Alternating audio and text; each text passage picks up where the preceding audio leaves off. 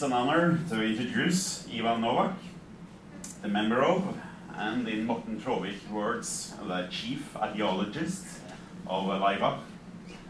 Uh, he told me right now he would uh, rather be called the propaganda minister, maybe. um, and he will uh, soon uh, give us a speech about Laibach's uh, history. Um, and uh, I guess several of us were at the show yesterday. I was, and I have, think it was a really good uh, concert. So thank you. Thank you for coming. Um, and we're looking f- forward to hear the speech. And afterwards, there will be a conversation about music and politics uh, with uh, Novak and um the Norwegian artist uh, um, Molly, uh, and the Swedish author Cecilia Hansson. and uh, at the end, we will also uh, have some songs from Molly,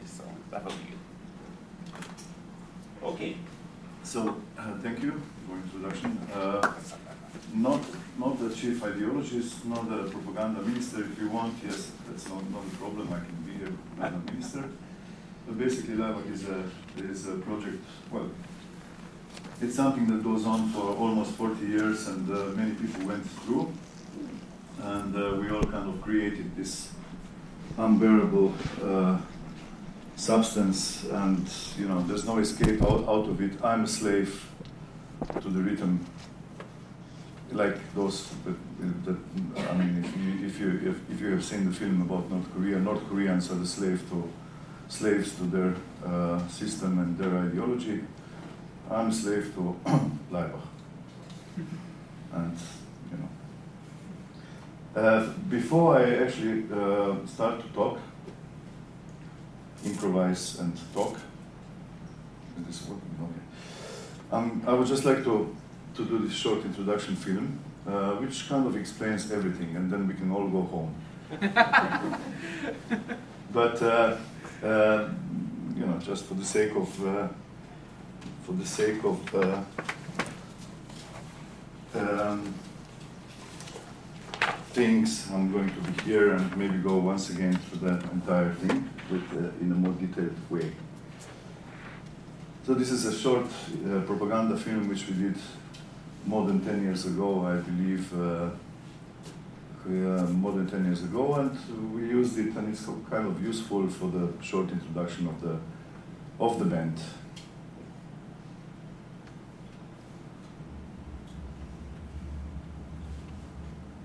On the 6th and 8th of August 1945, Right? the US dropped atomic bombs on switch the lights Hiroshima and Nagasaki.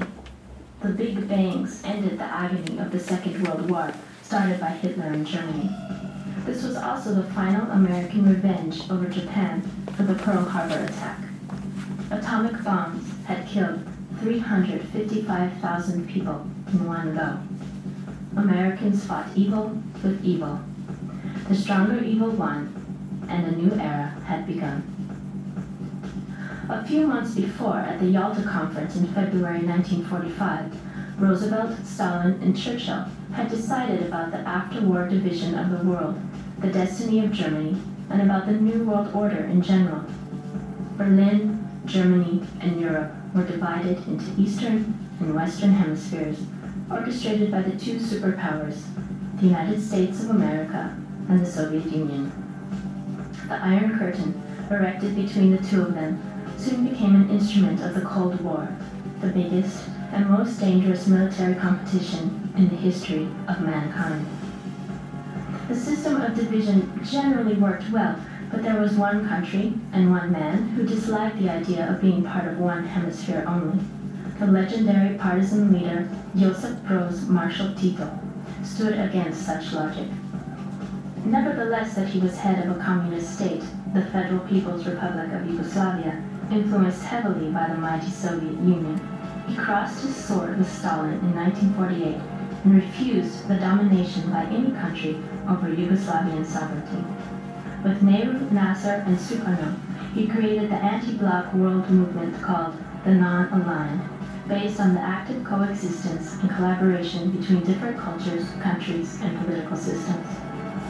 The non-aligned, formally created in 1961 and soon joined by more than 100 states from around the globe, fought successfully against colonialism and neocolonialism and strongly supported the leading role of the United Nations. Tito died on the 4th of May 1980 in Ljubljana at the age of 88 after becoming a legend. His funeral in Belgrade was his last political victory. It appeared to be one of the biggest gatherings of political leaders, kings, and princes from around the world.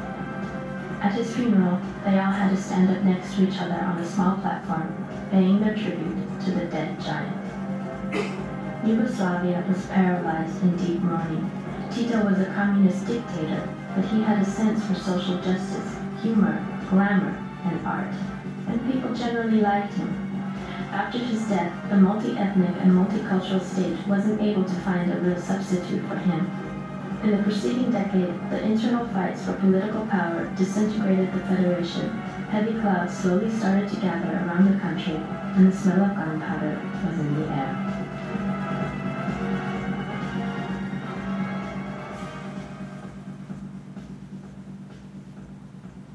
The group Laibach was established on the 1st of June 1980 in Trbovlje, a small industrial coal mining town in Slovenia, then one of six socialist republics of Yugoslavia. The town was known for its history of political radicalism and revolutionary tradition. In September 1980, Laibach prepared its first public project in Trbovlje called the Red District. This provocative project, a concert and an exhibition, was banned before it opened, preventing the first public appearance of the group, though not the angry media response that followed.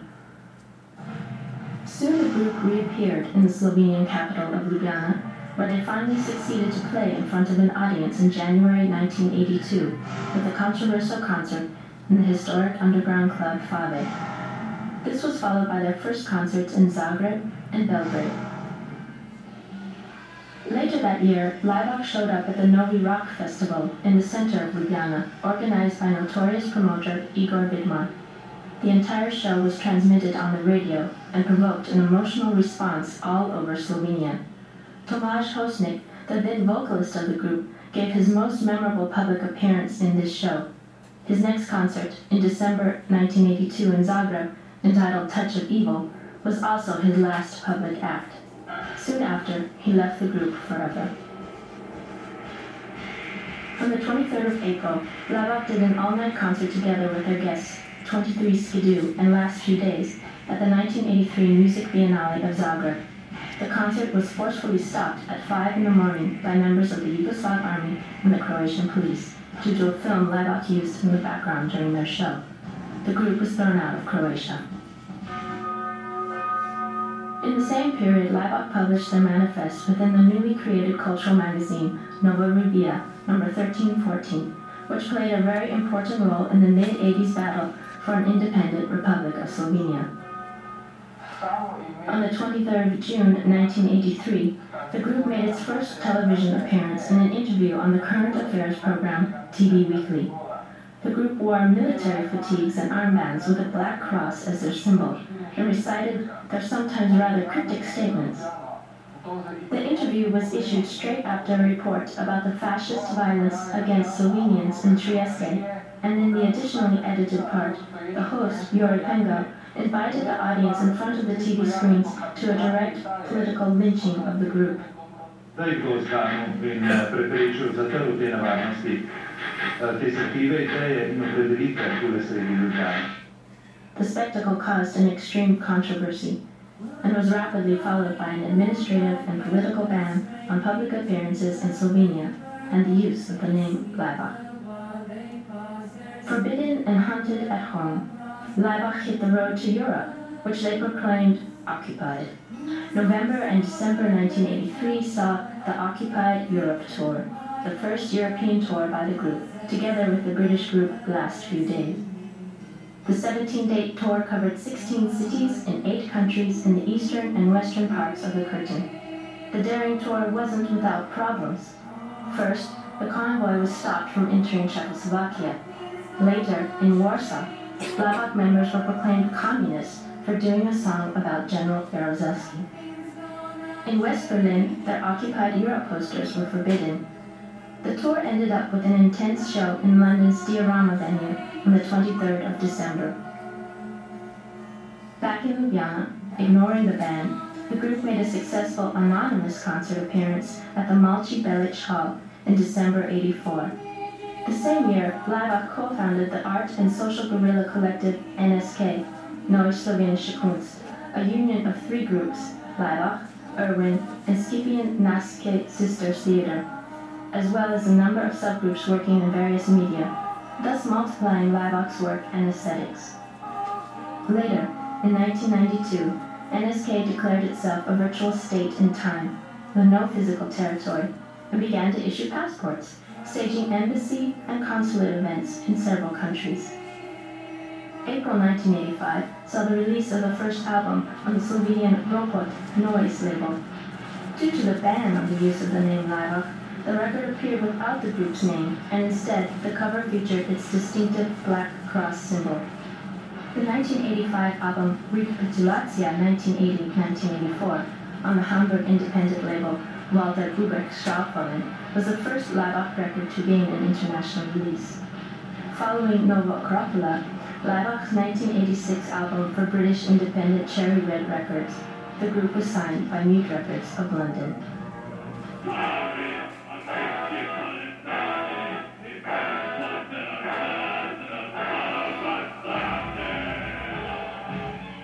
In September 1986, the controversial superstar dancer Michael Clark invited Laibach to appear in his No Fire Escape in Hell production, with 11 shows in London's Sadler Wells Theatre and elsewhere in the world. Opus Dei, released in 1987, was the first album for the new Mute label, including the notorious version of the Europop hit Life is Live, and a German language remake of the Queen song One Vision.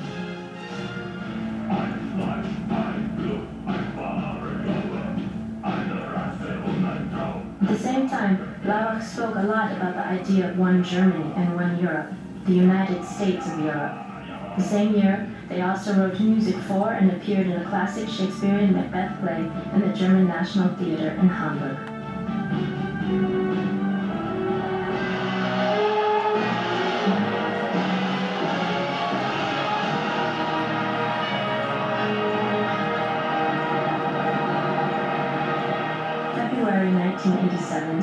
Laibach's victorious first performance in Slovenia since 1984 and its first official concert since the 1983 ban. The ban had now been officially pulled back.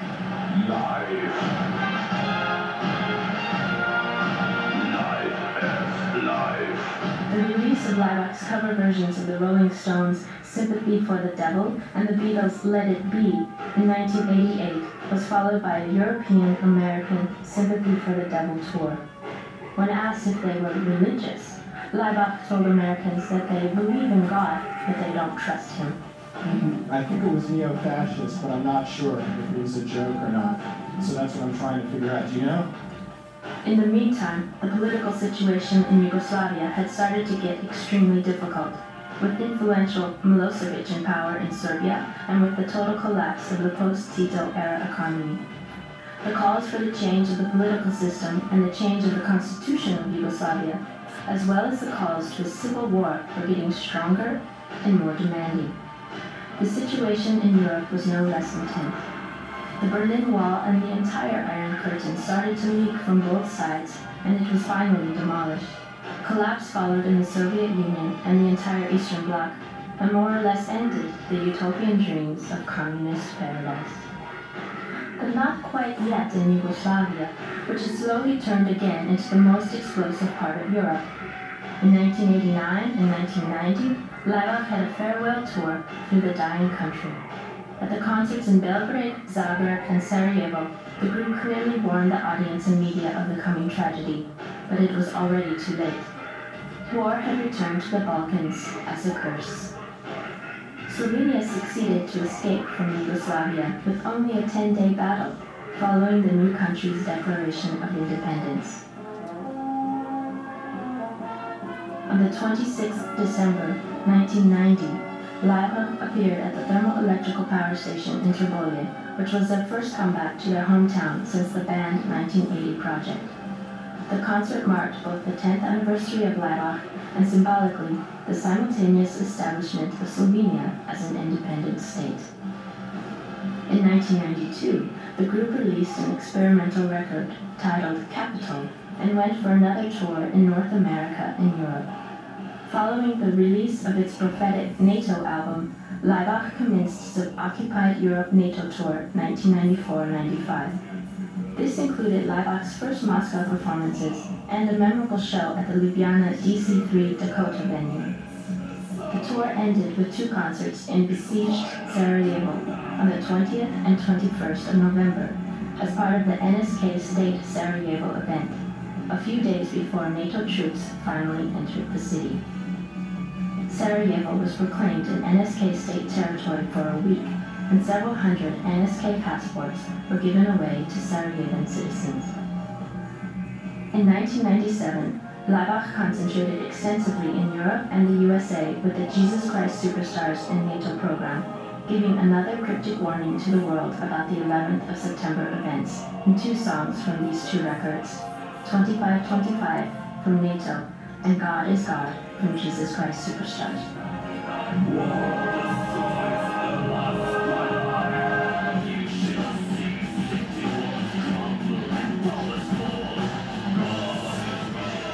1997, they returned again to Ljubljana with a concert in Križanke, but concluded the year with a significant tour of nine concerts through Ukraine, Russia, and Siberia, all the way to Novosibirsk and Barnaul.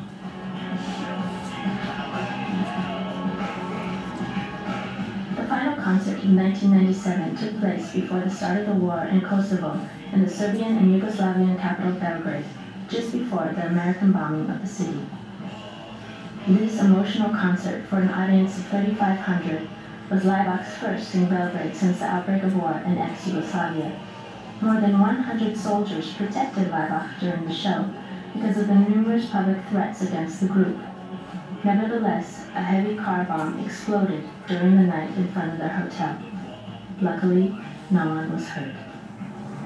One of the most significant concerts of Laibach's career was the opening event at the European Cultural Month in Ljubljana, May 1997, where the group appeared before the presidents of several states and invited diplomats and dignitaries.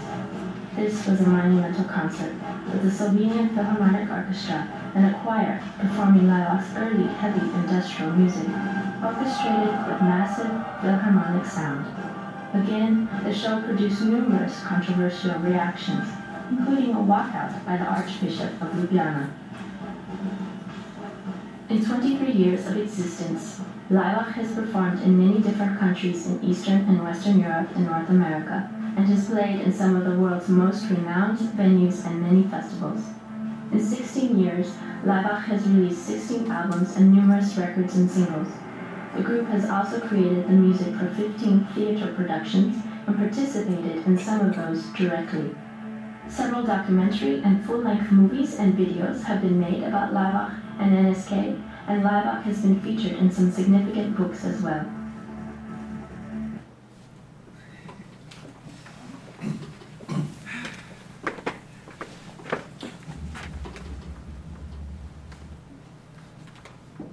The perfect past.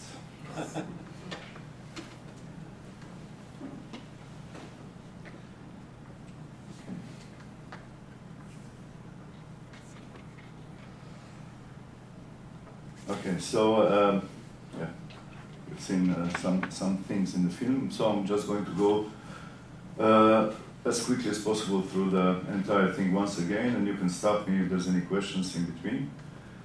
Uh, so this is Laibach in, uh, let's say, the second formation, approximately in 1983, 1983, maybe 84, 83, in front of our uh, famous uh, workers poster, one of the first posters that we did. Laibach was created in Trbovlje, which is a small uh, industrial city in the middle of Slovenia, approximately 15, 16,000 inhabitants. This is this used to be the central square. Now it's uh, they, they they added some additional buildings, So this monument, this fantastic monument, you can't you can't see it anymore. But uh, apparently they're going to uh, bring it back to life. This was uh, the main street in Trbovlje when I was a child. I was actually hit on this street once by a stone from somewhere. You know, a stone appeared, and uh, I dropped uh, down completely. They, they took me to the hospital, and uh, I lost my uh, conscience and so on. This is my memory of this street. Uh, there's a, this is Trbovlje, there's a big factory called STT, the machine factory Trbovlje here at the front, where my father uh, uh, was working, and I, as a child, I had to take him, uh, I had to bring him food every day, uh, not every day, but you know, and also the Santa Claus was was here in the factory.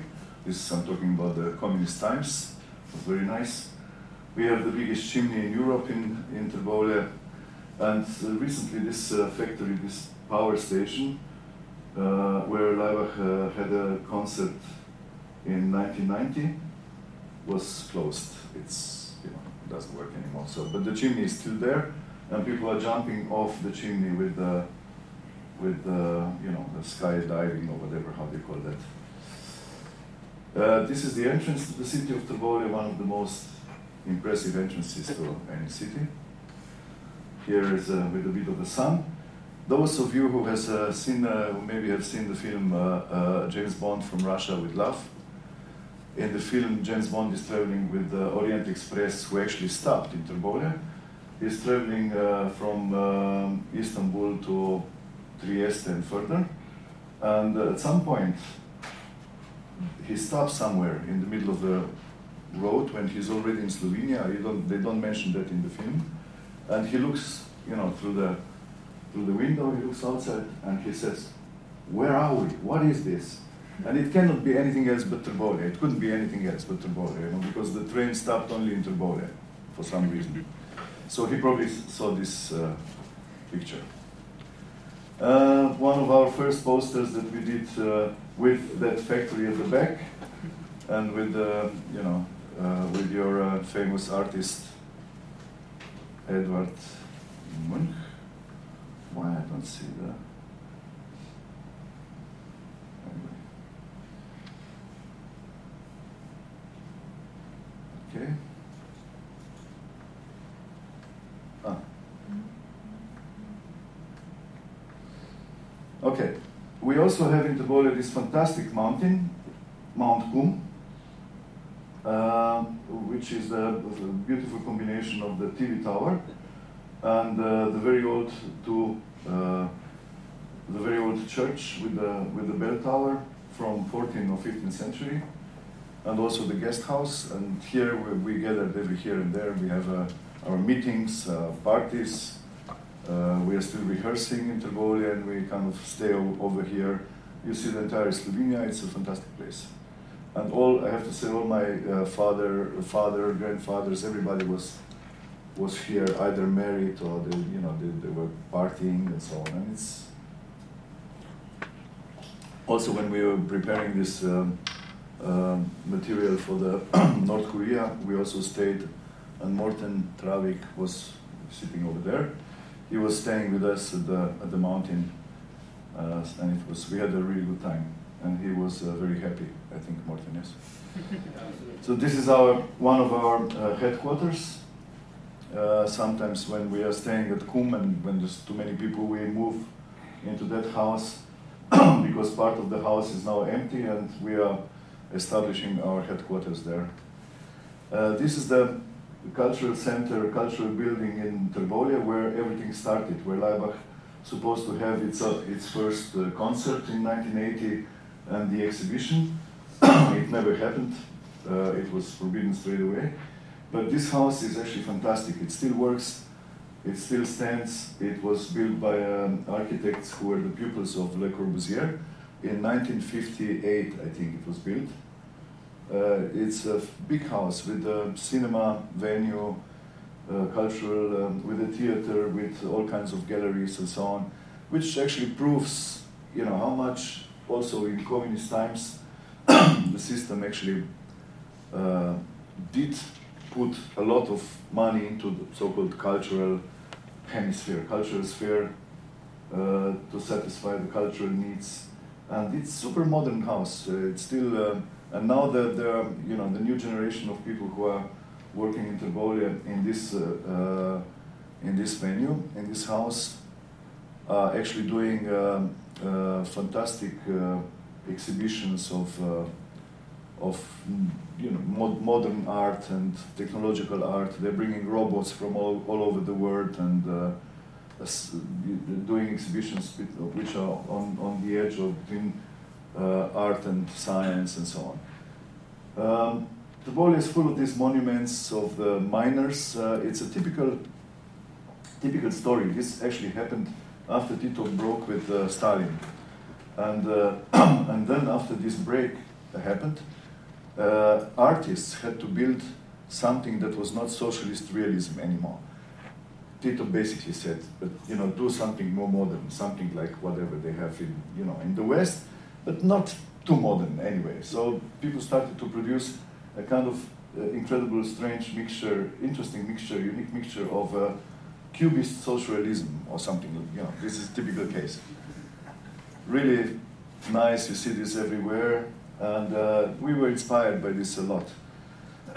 so this was the, this was the, uh, let's say, Trbovlje in uh, happy times of communism in 70s, maybe 60s, uh, when Tito was still on power. Tito was a very, very important character for us, obviously, because you know I, I saw him three times basically as a child, very closely, and. We were all inspired by, by, by his character, and also I have to say that he was an interesting character, although dictator, of course.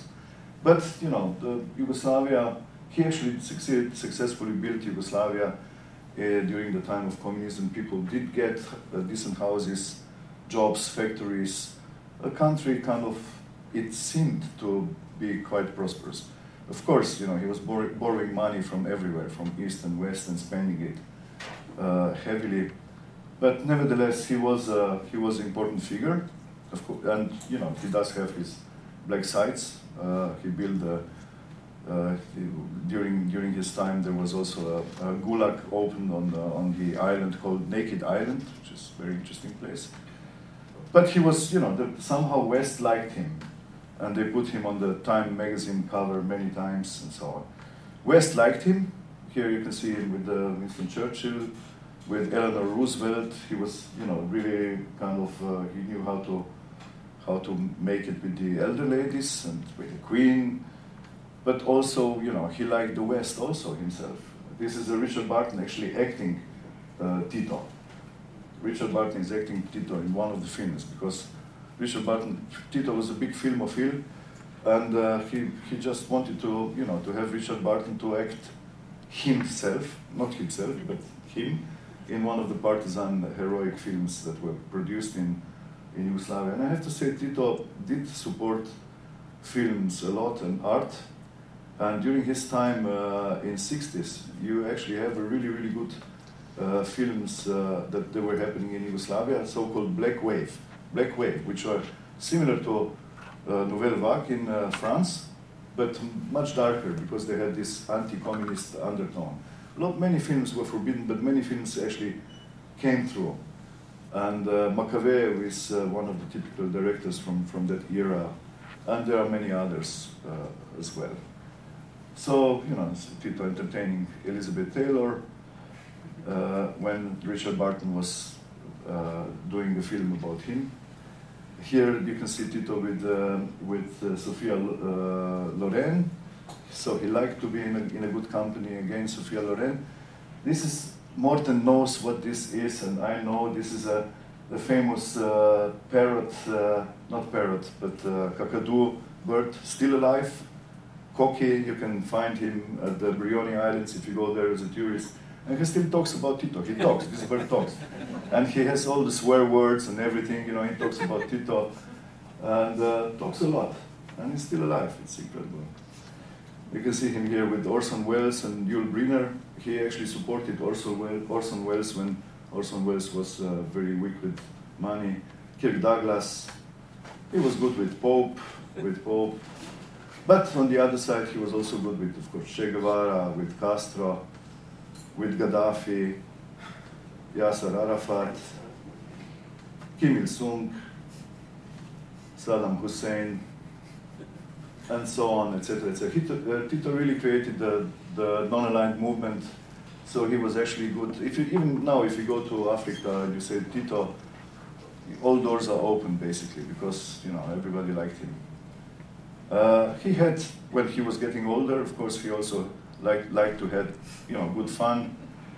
Uh, so this is one of one of his uh, you know good moments. I like this picture also. You can see that he is actually drunk here every day. And this is, you know, how, how he like kind of enjoyed on, uh, on the island of uh, Brioni, where, again, some of us are going there regularly. But uh, I like this picture very much. It tells a lot about our dictator. So Laibach started in Trbovlje with this poster. This was our first poster. Uh, we simply have chosen the, our symbol, the black cross. This is not a Malevich cross, it's a cross, it's a Laibach cross. Um, white cross simply because it means absolutely nothing. You can find it in any, any possible culture, uh, different forms of crosses. And uh, it's an empty signifier basically, because you can, you can fill it up with anything practically. Laibach, the name Laibach um, important philosopher in, in Slovenia in 1983, Taras Kermauner, said that uh, the name Laibach is uh, our most Dadaistic uh, invention. Laibach nowadays, it, to you it doesn't mean anything, but at that time it, it, it was as a curse, it was something really heavy because Laibach was, of course, you know, a German name for the capital of Ljubljana. And it was uh, originally, it appeared in 10th, uh, 11th century uh, on the territory of uh, nowadays Slovenia. And last time it, it has been used during the German occupation of Slovenia. And so after the war, after the Second World War, it was something that you don't, you don't use. And you know, there's a rock group coming out with the Black Cross and Laibach in 1980. I mean, come on, two months after Tito died. So it, this was a explosive thing. This was our second poster uh, also in Trbovlje, and you know it was a, a, successful action during the night when Laibach was established. We put it on the walls all around the city, these posters, and of course people were shocked. I mean, it was in the time of punk. Punk was very strong in, uh, in Slovenia, and you can see here it's even written wrongly, but nevertheless. It was very strong in Slovenia in 80s, and you know the system slowly after Tito's death started to collapse. But Still, this was 1980, and Tito died in 1980, just two months before. And uh, the, the Communist Party was very nervous because you know people didn't know what will happen, is everything going to collapse, and so on. So coming out with something like this, uh, it was uh, a big problem. So they forbid us straight away. We also wanted to do an exhibition because Laibach was more than just a rock band. We didn't even know how to play instruments. Um, we wanted to do an exhibition, and these were one of our first paintings. These are big paintings, uh, red miner, uh, like you know, almost Laibachian Mona Lisa. The, the title of the event, Red District, was not meant to be a you know a whole district, but Red District was called the entire district of Trbovlje was called Red District because uh, because of its uh, strong, heavy communist uh, character. Because there, there, were all kinds of protests in, in Trbovlje in, in the past, before, before communist Yugoslavia and also during communist Yugoslavia. It was the first female strike, for instance, in 50s. Tito came to Trbovlje several times just to calm down the miners, you know, don't worry, there will be bread for everybody. That's why red districts. And Communist Party of Slovenia was uh, was uh, created in uh, in uh, red districts. Uh, this is the, the painting that we have uh, called uh, The Funeral of Communist Hostnik. This was after our original member, Tomaž Hostnik, did suicide in, in 1982.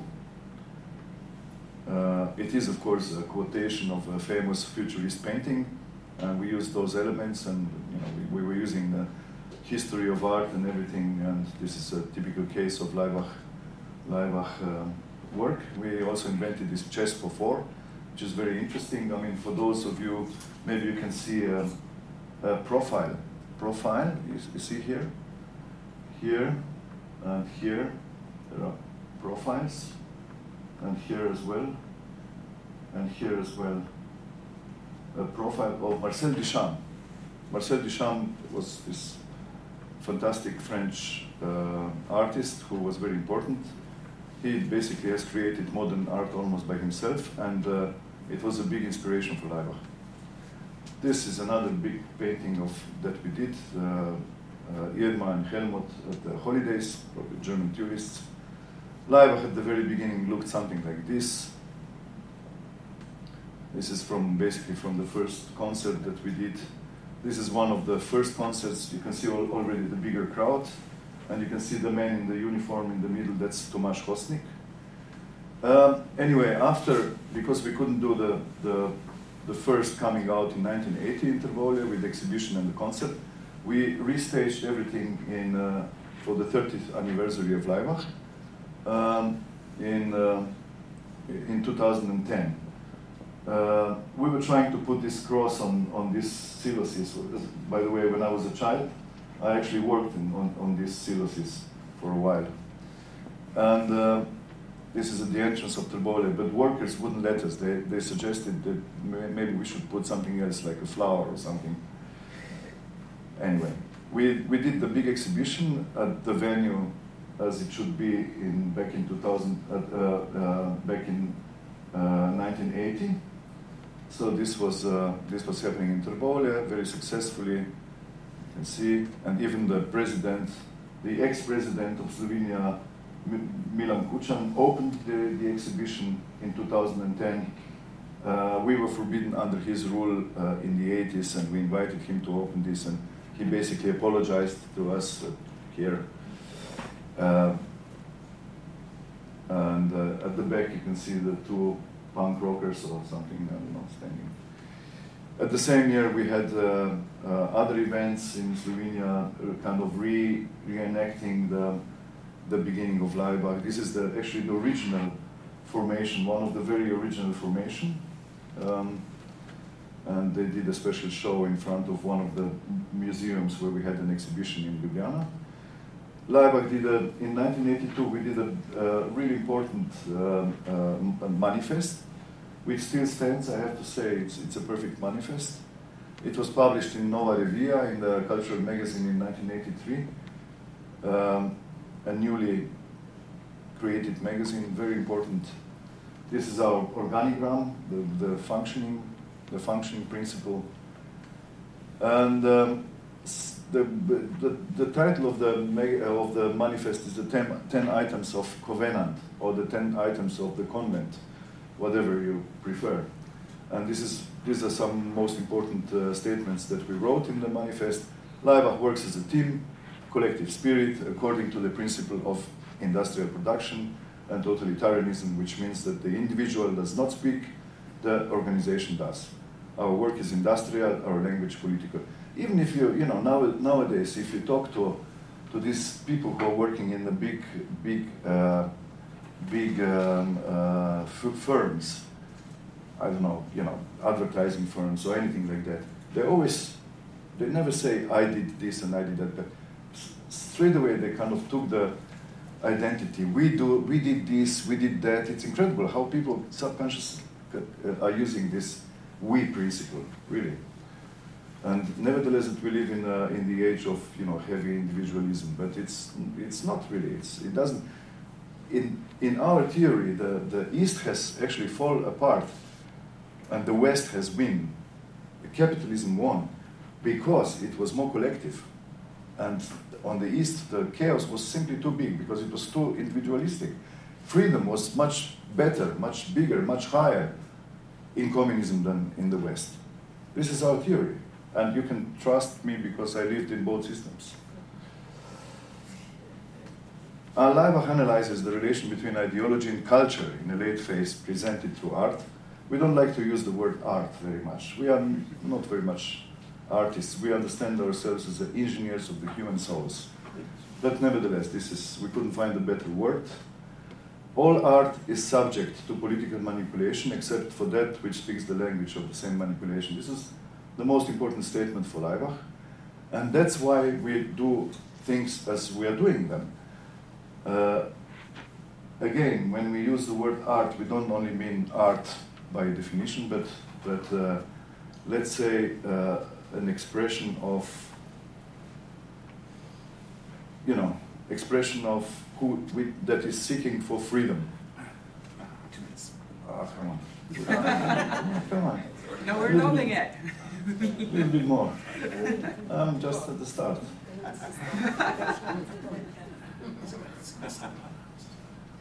It's 40 years history. So you have a book then? A what? Sorry? Have you given out a book uh, we can read? No, no. But you can find most most of things at the you know internet. Yes. Anyway, I'll jump over some stuff. Uh, material of Laibach manipulation is Taylorism, Bruitism, Nazi, Nazi Kunst, disco, anything basically. We can use anything from the history. The more, more unusual stuff, the better it is.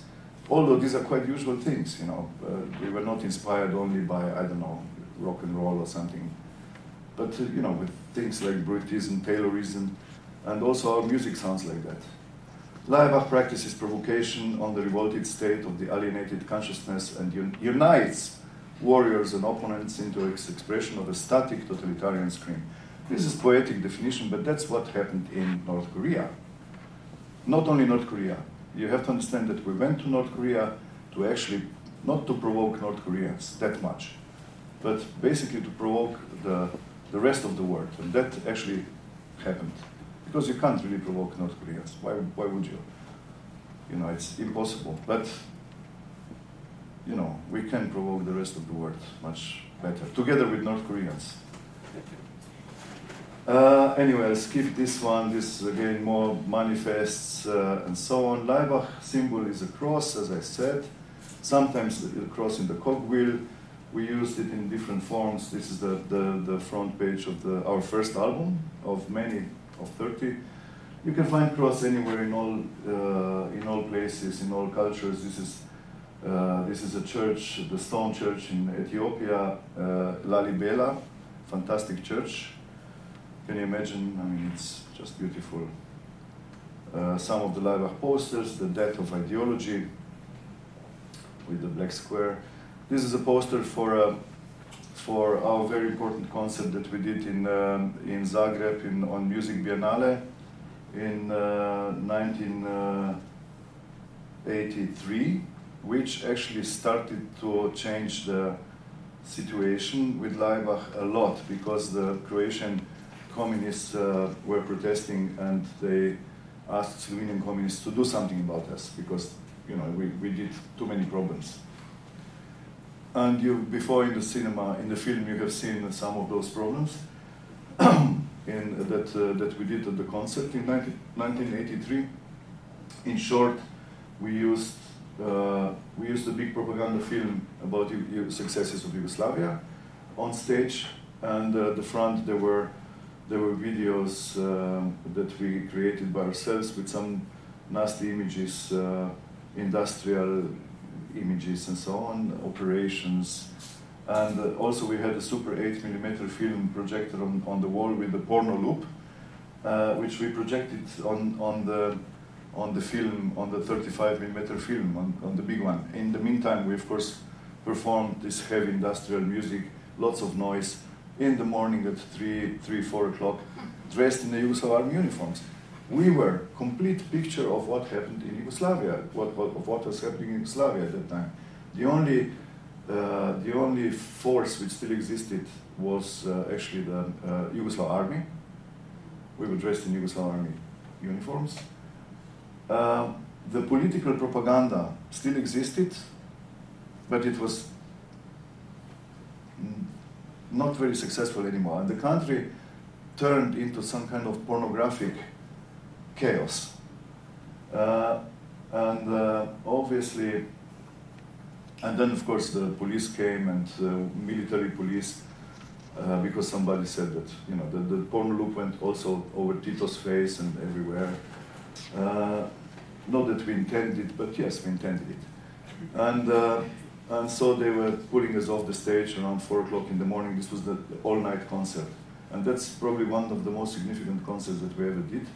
They throw us out of uh, of uh, Ljubljana, uh, of Zagreb, and this is a uh, painting which was uh, which was a part of our uh, Zagreb experience. You see, we are we were we are we were they're throwing us out. The police is throwing us out back to the train. Go back to Slovenia and you know show them their beauty over there. You know, don't come over here. And this this is us. These are the police, and this is a poster, and so on. So it's made in the style of uh, naive art, which is huge in in uh, Croatia.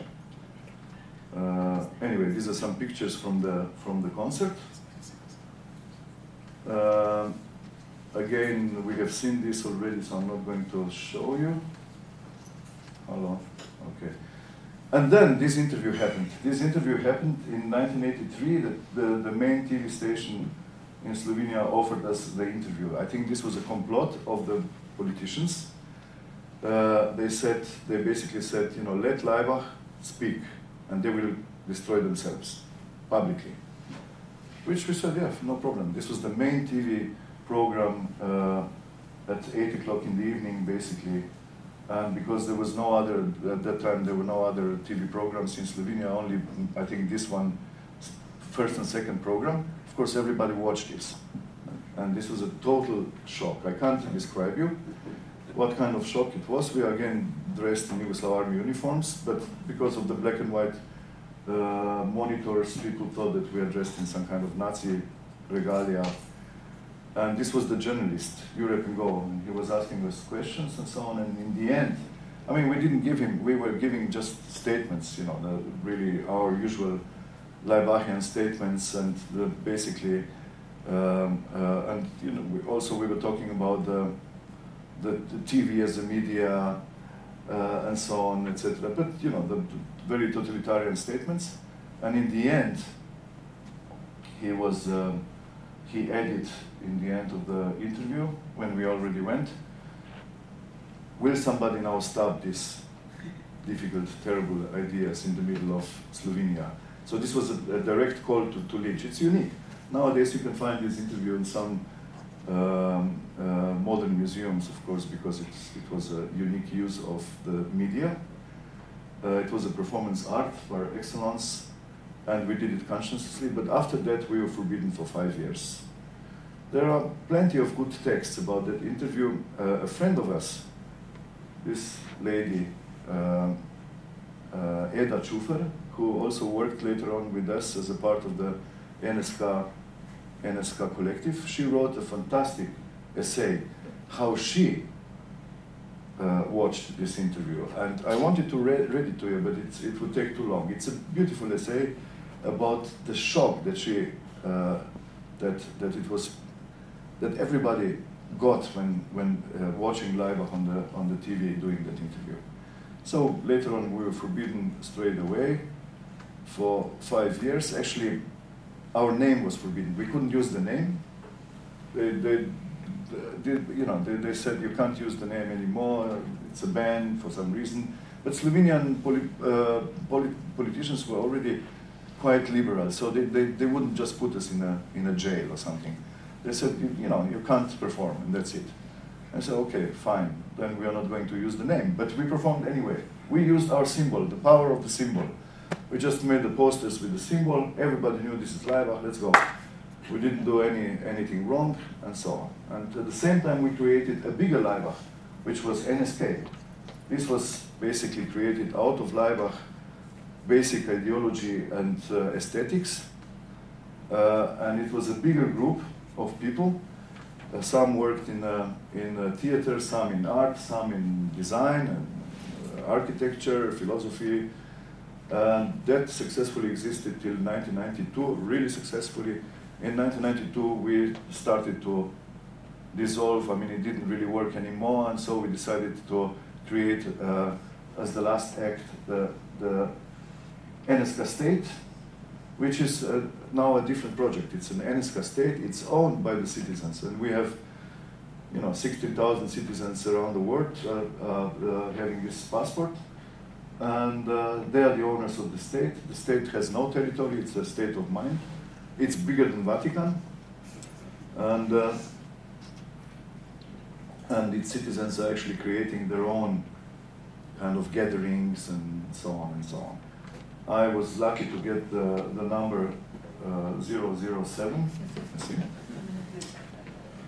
And uh, we can stop here. I mean, I have, you know, the whole bunch of material, but since you stopped me before, and I think where, where's the... Hello? He gave up. Okay. Well, I'll continue. If it, it's okay with you? With me? Yeah. You, maybe you want me to sing. Um, I mean, you sing beautifully. Don't, don't understand me wrong. But you did it twice already today. Yeah, I know. It's, it's been terrible. That's too much. Anyway, this is the uh, uniforms, the Yugoslav army uniforms that I, I, I brought from uh, the army, and uh, you know, this is now also a matter of uh, historical exhibit. But we had different uniforms at the, at the beginning. This was, for instance, a miner's uniform. We had originally we had miners' uniforms. Why uniforms? Basically, if you remember rock music, Beatles, or maybe some remembers Monkees and David Dozy, Big Mick and Tich, and so on, they all had uniforms. Even Rolling Stones, nevertheless, they were dressed as rockers and so on, and skin leather. These are all uniforms. And it makes sense because rock music is actually coming out of the military tradition. Because in, in the old times, you had, uh, uh, when armies were in the battle, you know, they, each of them, they had uh, this uh, military orchestras to boost the morale, morale of the, uh, of the army, you know, drumming, trumpeting, and so on, etc.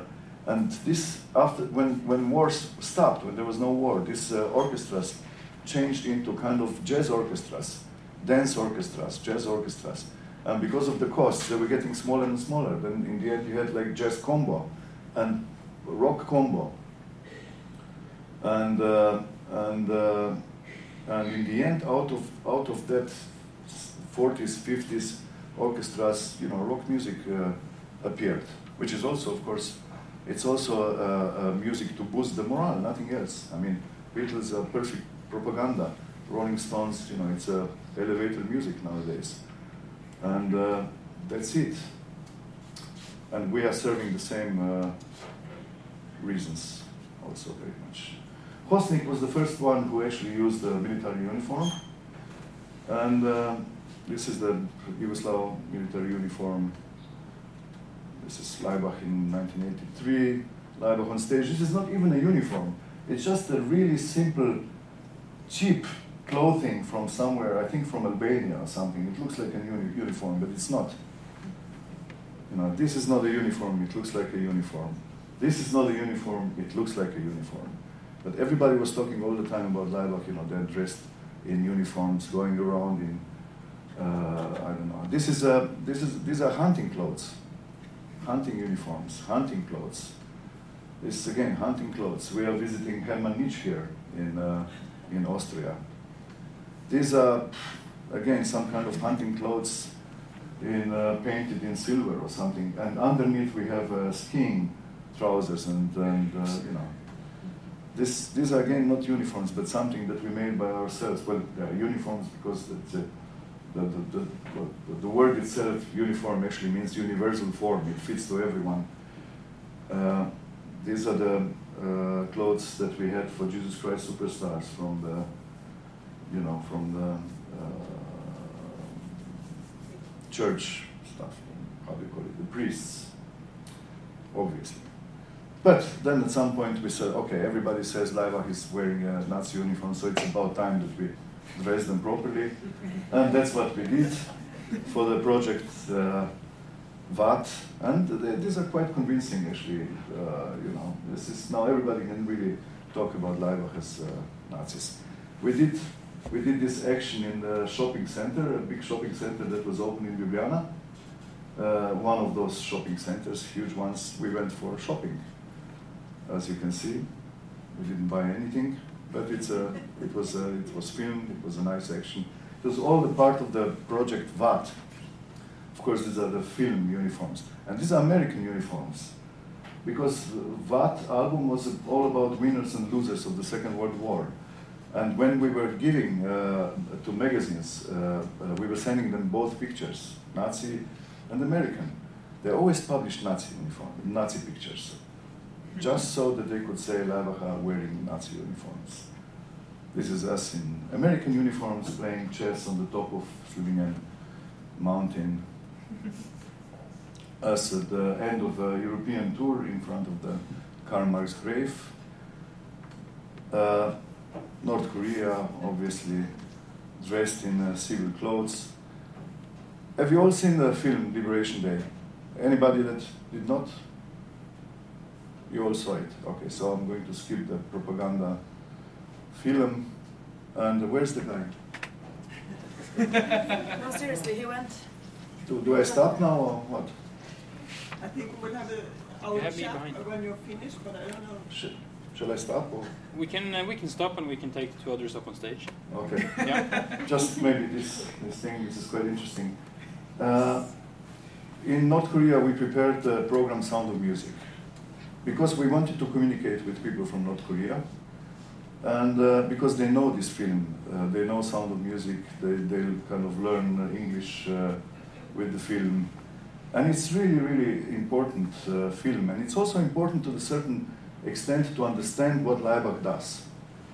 And uh, because this film is very tricky, you know, and now I'm going to read one part uh, because it's easier if I if I don't improvise. This is too important. While some Americans saw the sound of music as insidious communist propaganda film, full of revolutionary slogans and chants, uh, that children um, um, and chants that children are encouraged to sing loudly and spread like a virus, and where the music scale defined in do re mi can also be used for uh, internationale, Slavoj Žižek has a slightly different view on the film. The sound of music, this is Slavoj Žižek, our friend, the sound of music is much trickier film than one might expect. If you look at it closely, it's officially Austrian resistance to Hitler and the Nazis. But if you look really closely, the Nazis are actually presented as an abstract cosmopolitan occupying power, and the Austrians are the good small fascists, so the implicit message is almost the opposite of the explicit message. It's much more re- reactionary than it might first appear, full of racist subtones. There's an element of justice in a small mistake in the film. Uh, it's supposed to take place in 1938. When they go into Salzburg, they buy some oranges, and if you put the images on freeze, the oranges say made in Israel. So that's a nice kind of truth of the film. According to Žižek, the sound of music achieved iconic status as it satisfied, as it satisfied its fans' surface desire, the ostensible plot to identify with anti-fascism, while also satisfying their unconscious desire, the unknown known, to embrace fascism. This antagonism between surface and textual reality is also the underpinning of much of modern advertising and marketing, providing the narrative tension, pretext and trigger for exaggerated consumption and justification for our normative democracy based on property law and the entire economic system supported by it. The language of social liberalism espoused in the West on the right and left alike is, as Žižek claims, nothing less than a pure form of intolerance, a coalition complicit in maintaining the liberal rationalism based on tolerance. Tolerance itself being a problem since it permits politicians of various beliefs to claim they act in the name of freedom. So this is this sentence is actually saying practically everything also about Laibach. And that's it, really. We, we came to the end. What Laibach does today, we do concerts with symphonic orchestras, and uh, this one was in Poland. We do film uh, music, Iron Sky. Uh, we do, you know, special, shows. This was in Tate Modern. and uh, you know our character, the, the singer, has become the, the character character of the comic books. You can see see him here in the Kingdom Come next to the Spectre character, by the way. Uh, and here he speaks Gothic German. His name is von Bach. You can see it here, here. And now I'm going to stop because there's too much. Yeah. Thank you very much.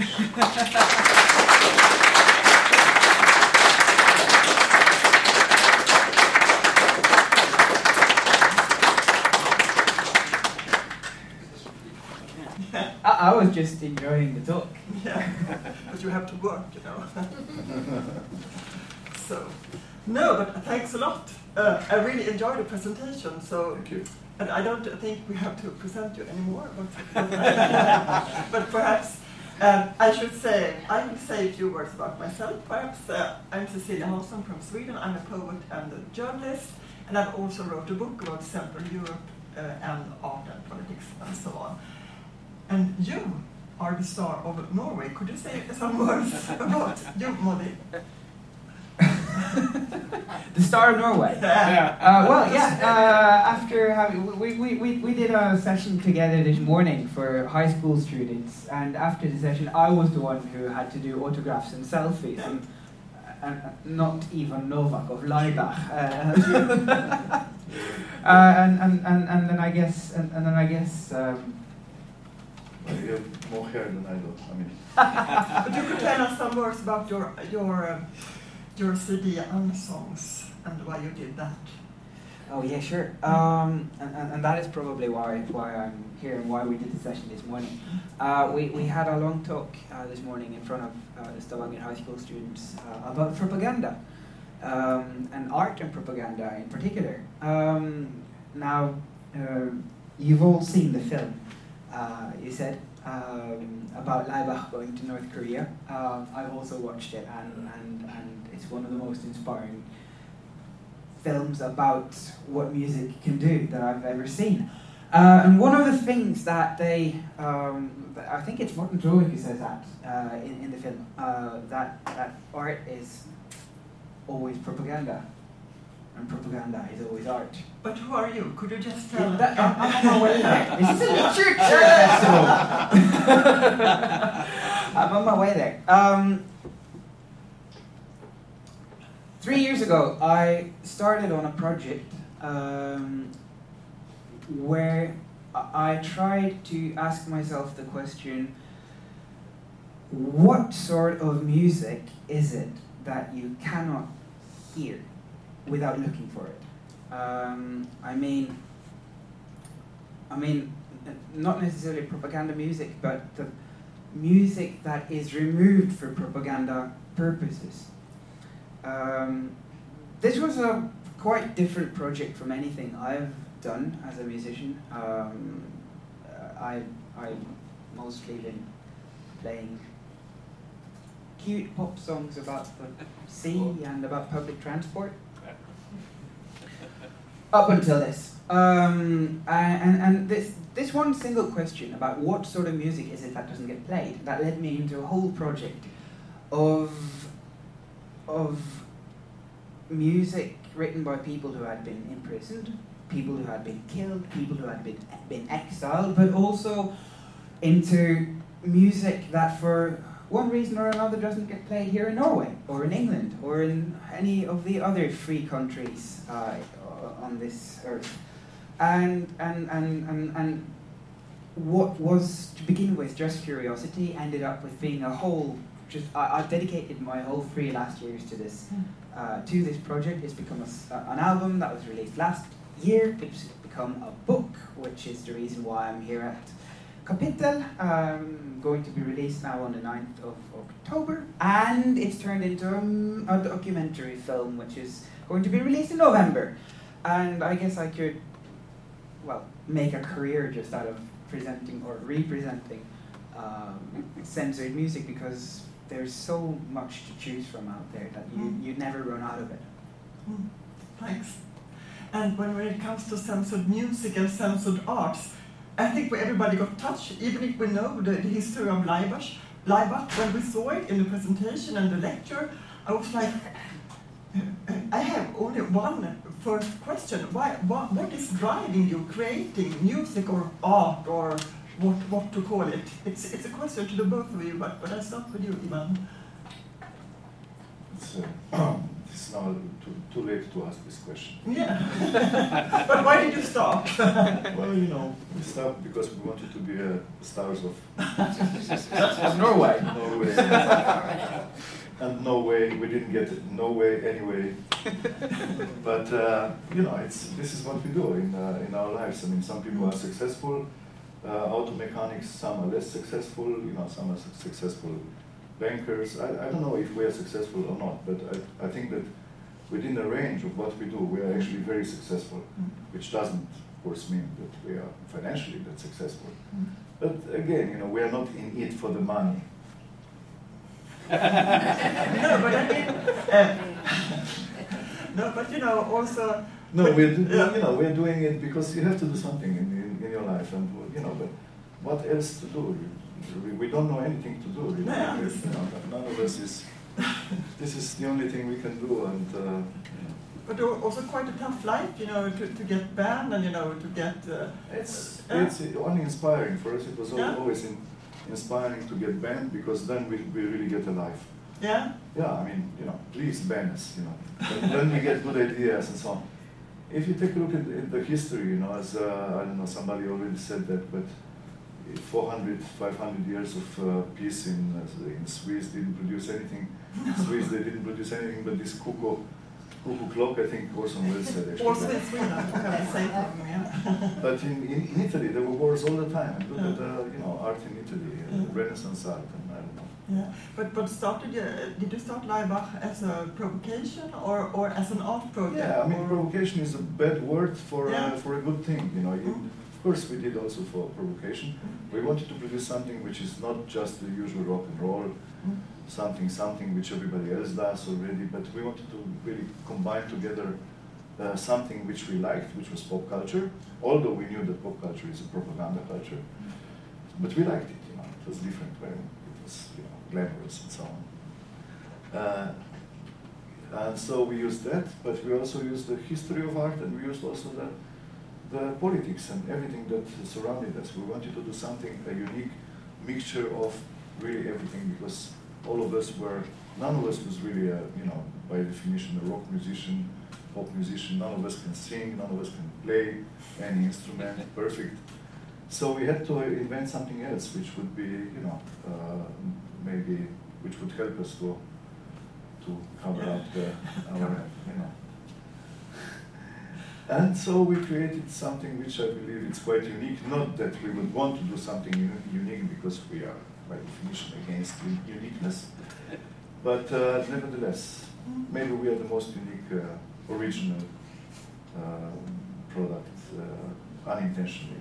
But how did you come on, uh, come on the idea as a, because sometimes, you know, you have an idea, oh, let's create this and this. Also, how did it happen? Yeah, but you know, it's the same thing. How do you start to swim? You jump and you swim. Yeah, but when did, you, when did you jump? Also, when, when did it happen? Because, when, you know, when you're young, you're stupid and you, Yeah. you know, you, you simply jump.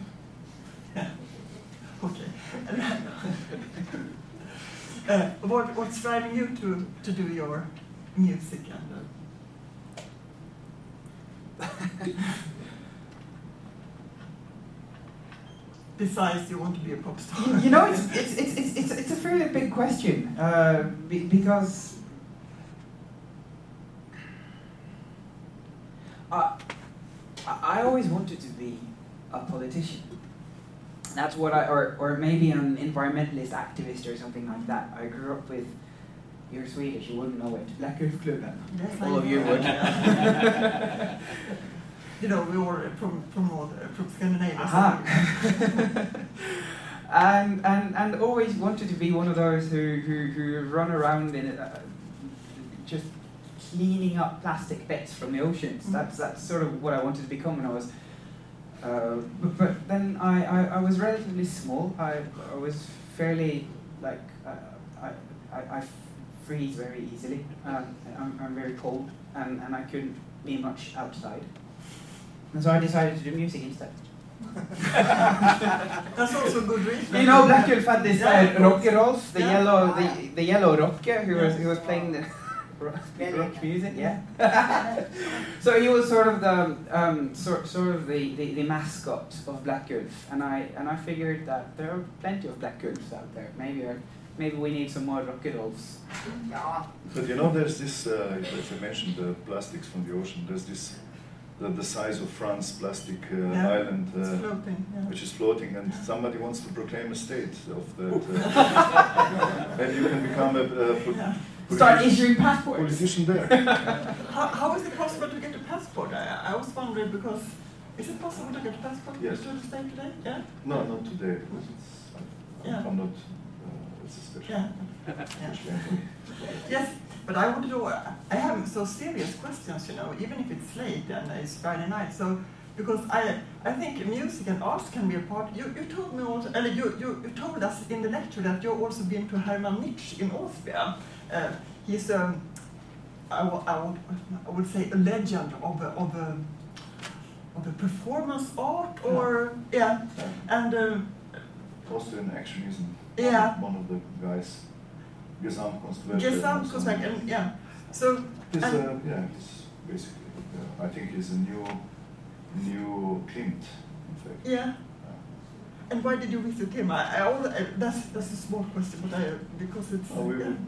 uh, we met several times in the 80s. Yeah. Uh, we visited him as uh, admirers at that time, and uh, we watched some of his uh, uh, operas and performances and so on. So we became friends. yeah. Because I think it's also interesting with the tra- tradition. But I also wanted to ask, like Hermann Nitsch or or both of you are some kind of also social activists or or political activists. Do you think so yourself, or or, Yeah, or can po- music be a, a, a part of a, a political movement, or yeah? It, it definitely can be. I mean, our, our music was uh, successfully, or less successfully used in uh, all kinds of political Yeah.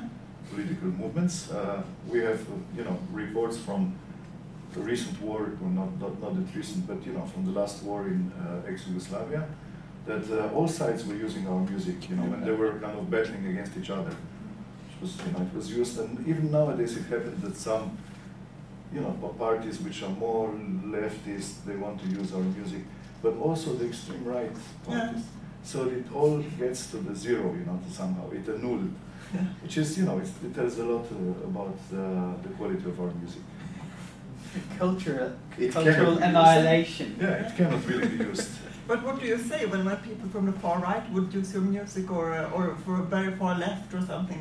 Do you let them do that or is it... Uh, We have really funny uh, experience with this uh, because uh, once there was a, uh, in Graz, uh, Mhm. there was this uh, Steirisch uh, Herbst festival, and uh, there were some friends, friends of us, the artists, and they had some friends from Africa, artists and so on, and they were going around the city, you know, the festival, everything was nice, nice day, and suddenly they could hear the Laibach music somewhere. And, uh, and they said, wow, you know, Laibach is performing somewhere in the center of the city, let's go and see. Yeah. This is going to be interesting and explaining this Yeah. uh, African uh, artist, you know, you're going to see this group, it's really important, really good, you will see it's really good. And then they were approaching, approaching, approaching, they came to the main square, and uh, uh, Jörg Haider, the Austrian nationalist, was having a big Oh, meeting oh. of his Do you uh, know him, everybody? Nazi stuff. Yeah. And he was using our music, of course, without Really? permission. And, No. uh, and you know, this um, um, uh, uh, artist from Africa was what is this? When, when was this? Which, which year? It's, I don't know, sometimes in maybe end of 80s, beginning of 90s. But it's, you know, it's, it's happening. Uh, and Yeah. recently a Croatian right-wing party used uh, our music.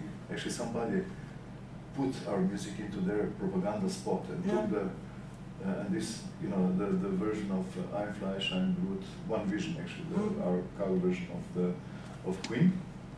And uh, he put out the lyrics, so there was no German stuff, but then there was this music. It was a kind of hidden message.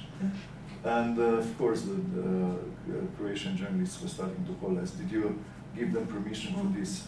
No, of course not. And we said, you know, we basically sued them for not asking us for permission. I mean, we couldn't sue them for, for the use, but you know, we, uh, because we don't interfere, we don't Yeah. put ourselves on either side of Yeah. political political scale. But when people uh, accusing you for being Nazis or you know uh, stuff like that, what do you say to that? Uh, the kind of We say we are Nazis as much as Hitler was an artist. Yeah. what do you say, Moddi, about your music and political movements and so on? Whether it's Nazi or not? I've never gotten that question. I I didn't think think we can leave the Nazi, Nazi question here in, in, in, in here, uh, so, so here in Norway also, uh, because, um, uh, uh, no, but, uh, but about the social, uh, if your music is a part of, this, of a social movement, I, I think you have some kind of political message also. Uh,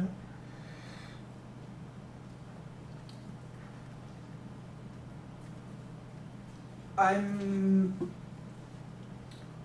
A freedom I- I- fighter. I wouldn't say. Um, I, I'm mainly here not because of my music. I mean, I mean, I write songs and I have written songs in the past. But the, the reason why I'm here is because I'm singing other people's music, and and I've asked myself that question. Uh, um, um, or the question that you just posed. I've, I've been asking that to myself in all different versions of it, and I'm trying to understand what makes a song controversial because um, because when you have it's sort of when you have made a song which is controversial, which, which makes people angry or sad or, or, or provokes people or whatever, pe- makes people talk rather than just listen and, and, and live on the, in their sugar fluff harmony world. If, if you are able to make music like that, I, I think you're adding some value to the world. And, and, and, and I've been asking myself, what is it that makes a song provocative?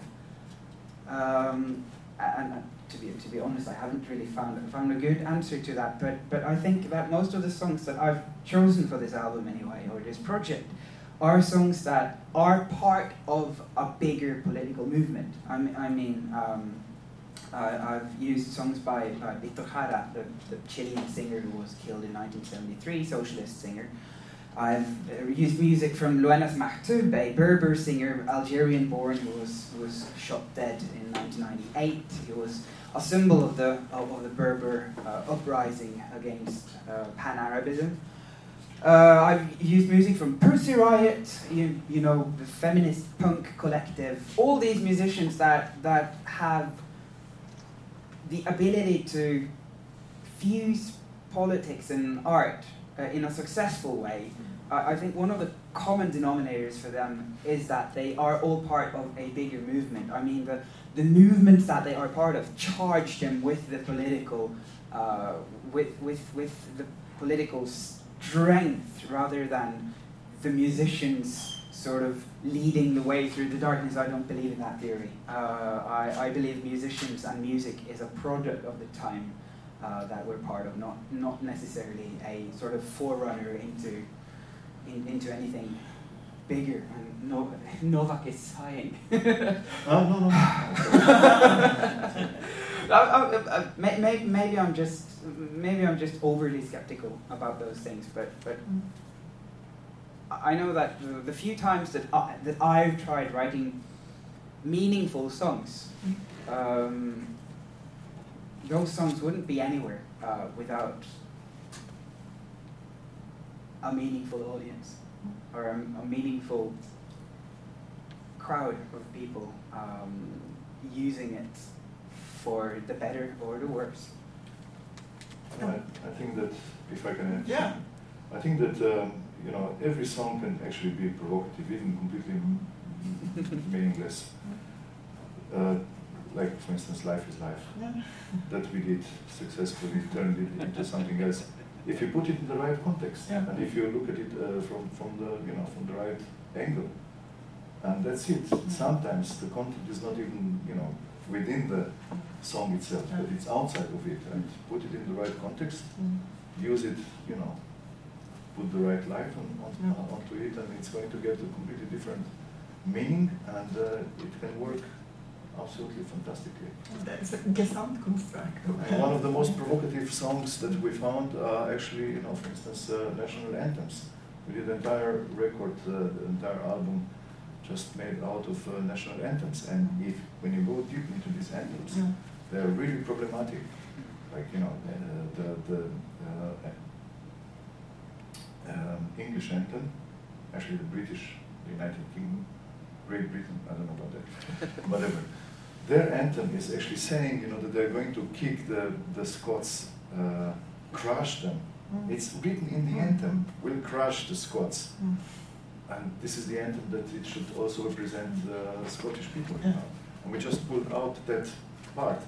If you take a look at the, at the French anthem, it's one of the most scary anthems. Mm. It's really full of blood, and they're going to, you know, kick out all the foreigners and everything.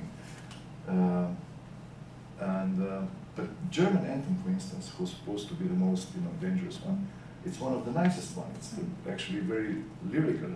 It was not written under Hitler. It was written much, much sooner before, when Germany was getting together as a one country and so on. It's, uh, it's the anthem written in the Romantic period and it's actually very nice. And German, uh, like for instance, Deutschland, Deutschland über alles doesn't mean that Germany is above all the other people and other nations, but it's uh, it's above the single small unities, uh, the the city states and so on. So you have to be very caref- careful when you read this stuff. And even Germans didn't know that that uh, that uh, this verse is not forbidden. You know, when we when we did the song, everybody said in Germany, "Oh, you shouldn't sing this. You know, it's forbidden." And we actually checked it out. It's not forbidden. And When we're talking about Germany, uh, uh, I associate, we, we shouldn't talk too long because we're already talked too Germans long. are here. Yeah. yes, we are, they're waiting outside, so it's, yeah. no, uh, but I wanted to ask about Zarathustra, because why Zarathustra now? Because it's, for me, it's, it's, it's I, I, I wrote it as, uh, I, no, I wrote, I, I read it as a student, philosophy student, and it's about um, moral and, and uh, how to be a, a new person, a, a better person, perhaps. I, I don't know. But but uh, when when I and I also when I listened to the new uh, album, and so it's it says a lot about the world today. But how do, for me? But how do you? I mean, you know, this uh, this work, Nietzsche's work. I think it's you, you kind of it's you know it's timeless. Basically, it's a kind of anti-Bible, in fact, and it talks about you know the, the quality of human being, the development of human mind, etc., etc. So it's um, and it, you know it talks about some philosophical concepts that are uh, always, in fact, very fresh. Nevertheless, how crazy Nietzsche was. But uh, we did it uh, not because we would really. It was it wasn't some kind of heavy conception for Laibach because you know Nietzsche, Wagner, Laibach that goes together easily. But no that problem. book, I, I haven't seen it uh, in And we never, years. we never did it, and then this uh, film director, in, uh, actually theater director, invited us to do the music for, for his theater, Yeah. and, uh, and we said, okay, let's, you know, let's do the music, and if it's good, we can even do some more work and release the album. So it's a kind of side project for us, Yeah. and it satisf- satisfies, or actually dissatisfies, all those who think that Laibach and Nietzsche, you know, blah blah blah, and Zarathustra should be Yeah. together. But everybody was expecting from us some kind of grand, No. uh, you know, uh, Strauss, Zarathustra thing, and so on, which we didn't want to do. It, I think it's quite quite grand, but it's not grand It's in that respect. It's yeah, it's Yeah. more ambiental, and uh, we'll see how it's going to uh, look when we when we do a, a live version of it, because it will be. It sounds. And you will do it in Stockholm? will you? Yeah, it will sound yeah. uh, different differently. Yeah. Will you come also join in Stockholm? Or? I've never been to Stockholm. You have never been to No. Stockholm? But there's, have you heard about Svenska Tillståndet? Yeah.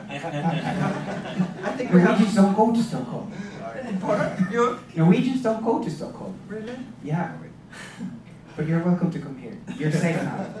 I'm saying I've been I've been here many times because uh, you know I also have a special relationship to Norway. But I think we have to end this very nice conversation, and you will have to sing now. a bit I will have to. also. you don't have. Yes, Sure. Yeah. Yes. Thanks.